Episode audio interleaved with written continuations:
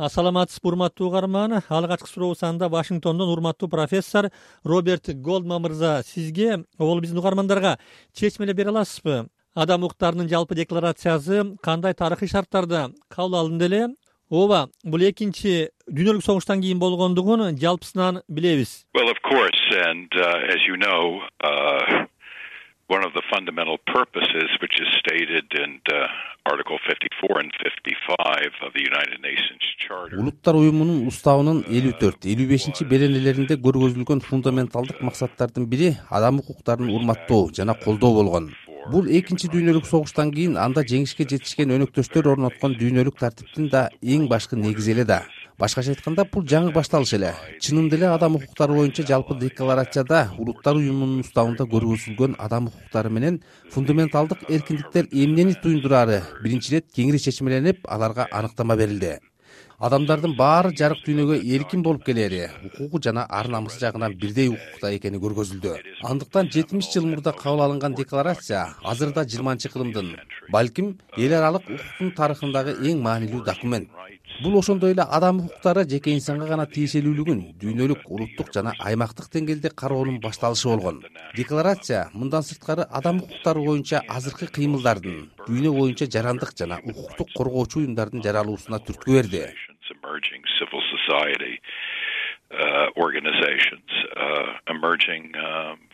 World рахмат женевадан урматтуу профессор роберт рот мырза мындан жетимиш жыл мурда адам укуктарынын жалпы декларациясы кабыл алынган кездеги тарыхый учур анын шарттары өзгөчөлүктөрү тууралуу. Эмнелерди кошумчалай аласыз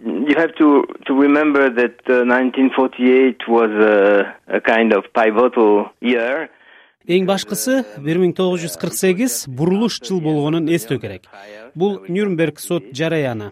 Башкача айтканда гитлерди германиянын мурдагы жетекчилери үстүнөн жүргөн сот жараян аяктаган.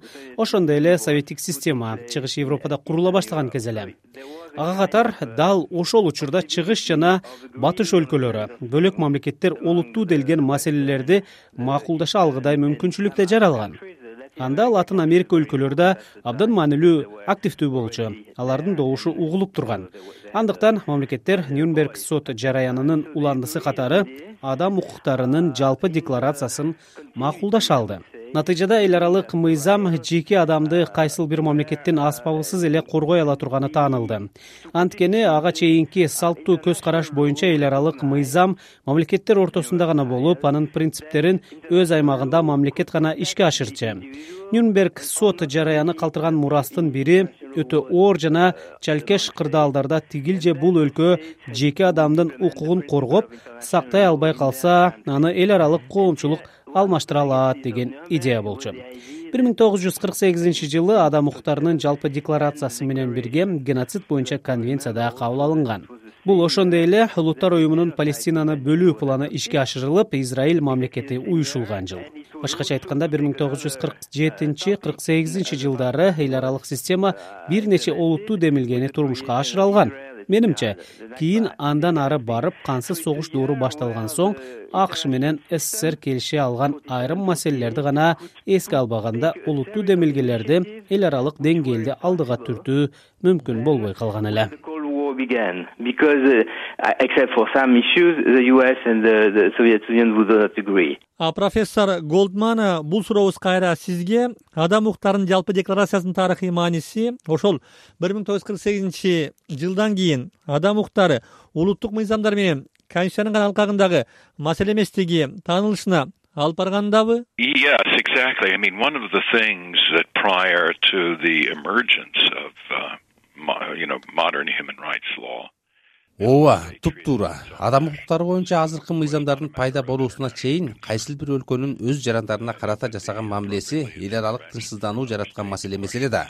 Бир мамлекетти жарандарына кандай мамиле жасаганы боюнча экинчи мамлекет сурак ала турган тажрыйба болгон эмес. Адам укуктары боюнча жалпы декларация бул ишти эл аралык алкакка чыгарды. Тигил же бул өлкөнүн өз жарандарына жасаган мамилеси иликтөөгө алгыдай легитимдүү маселеге айланды бул үчүн кийин аймактык жана эл аралык аспаптардын пайда болуусу эки конвенциянын кабыл алынуусу эл аралык мыйзамга жаңылык киргизди. Жеке адам өз укуктарына төрөлгөндө эле ээ болот. Аны мамлекет бербейт деп таанылды. Адамдын жашоо укугу саясий укугу кыйноого алынбоо мыйзамсыз камакка алынбоо өз пикирине ээ болуу мүлккө ээ болуу эркин жыйын өткөрүү укугу жана ишеним эркиндиги динин жарандыгын өзгөртүү эмгек жана башка укуктары кепилденди өз жарандары үчүн бул укуктардын сакталышын кепилдөө бүгүн мамлекеттин фундаменталдык милдети болуш керек. Эгер аны мамлекети кепилдей албаса ал жаран эл аралык деңгээлде даттангыдай турумга ээ. Адам укуктары боюнча жалпы декларацияга чейин мындай түшүнүк жок болчу декларация. Эң башында умтулуу жана тилек иретинде гана кабыл алынган документ болгону менен албетте буга чейин айтканымдай адам укуктары боюнча европа америка континенттеринде аймактык режимдердин пайда болуусуна салым кошуп аларга дем берди да өзгөчө европаныкы адам укуктары боюнча дүйнөдөгү эң эски жана эффективдүү режим болду. бир миң тогуз жүз элүүнчү жылы адам укуктары боюнча европа конвенциясы кабыл алынса бир миң тогуз жүз элүү тогузунчу жылы адам укуктары боюнча европа соту негизделди. Декларация андан ары барып улуттар уюмунун системасында адам укуктарын коргоонун асбаптарын да жаратты бир миң тогуз жүз алтымыш алтынчы жылга келип буунун эки саясий жана жарандык укуктар ошондой эле экономикалык социалдык жана маданий укуктар боюнча конвенцияларынын кабыл алынуусуна алып келди. Мына ушул эки конвенция азыр адам укуктары боюнча жалпы декларация менен бирдикте адам укуктарынын эл аралык мыйзамы деп эсептелип келет. Universal declaration are widely referred today as the international bill of rights рахмат профессор рот бул сурообуз кайра эми сизге ушул жерден бир аз тарыхка сереп сала аласызбы алдыда белгиледиңиз адам укуктары боюнча жалпы декларация кабыл алынган бир миң тогуз жүз кырк сегизинчи жылы дүйнө өлкөлөрү мунасан оңой таба алган тарыхый кырдаал түзүлгөн деп. Декларацияны кабыл алууда азыркы ири оюнчу мамлекеттердин ролу кандай болгон? А маселен экинчи дүйнөлүк согуштун жеңүүчүлөрүнүн бири мурдагы ссср жеңилген жапония азыркы кытай кандай роль ойноду эле i haven't studied all the memorials and the proceedings but the soviets were not enthusiastic. You know мен албетте документтердин баарын окуган эмесмин бирок советтер союзу энтузиазист болбогону анык. Бир миң тогуз жүз кырк сегизинчи жылдын онунчу декабрында добушка салынганда адам укуктары боюнча жалпы декларацияны туура кырк сегиз мамлекет колдогон сегизи калыс калган калыс калгандар арасында ошол кездеги ссср чыгыш европа өлкөлөрү сауд аравия менен түштүк африка болгон.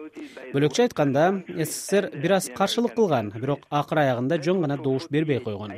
Аны негизинен батыш жана латын америка өлкөлөрү кызуу колдогон кытай делегациясы дагы активдүүлүгүн көргөзүп декларациянын кабыл алынуусун кубаттаган. Бирок анда улуттар уюмуна коммунисттик кытайдын эмес азыркы тайвандагы чан кайшинин өкмөтү барган да алар акшга абдан жакын болгон. Ал учурда жапония да акшга жакындап калган жана декларацияны колдогон.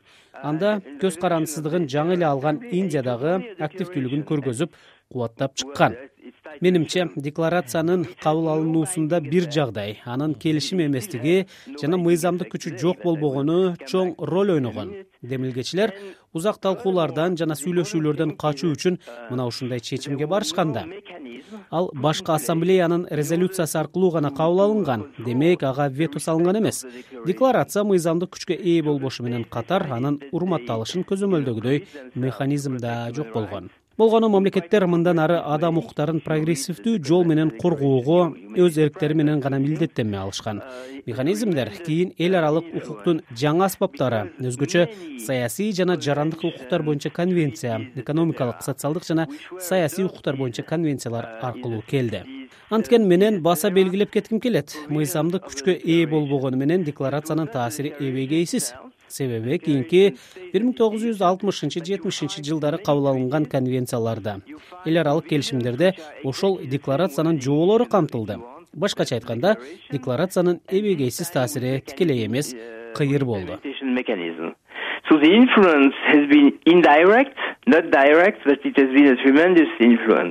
Профессор рот жеке инсандар ишмерлер арасынан адам укуктарынын жалпы декларациянын кабыл алынуусунда кимдердин ролун бөлүп көрсөтө элеңиз.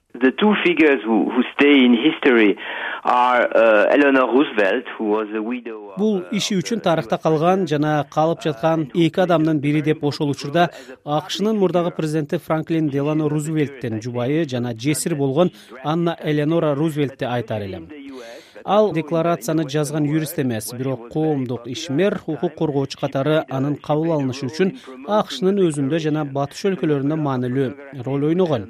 Улуттар уюмунда декларациянын долбоорун иштеп чыккан комитетке төрайымдык кылган эмгегин баса белгилей турган экинчи инсан франциялык юрист рене самуэль кассен кийин нобель тынчтык сыйлыгынын лауреаты адам укуктары боюнча европа сотунун төрагасы болгон кассенди адам укуктарынын техниги десек болот. Экинчи дүйнөлүк согуштан кийин ал эл аралык мыйзамдарды кайра жазуу ишине да чоң салым кошкон. Албетте декларациянын долбоорун даярдаган жумушчу топто көп адамдар болгон бирок алардын эң таанымал экөөсү элеонора рузвельт менен рене кассен well formed etc so there are a lot of people around but the two main figures are roosevelt and gassin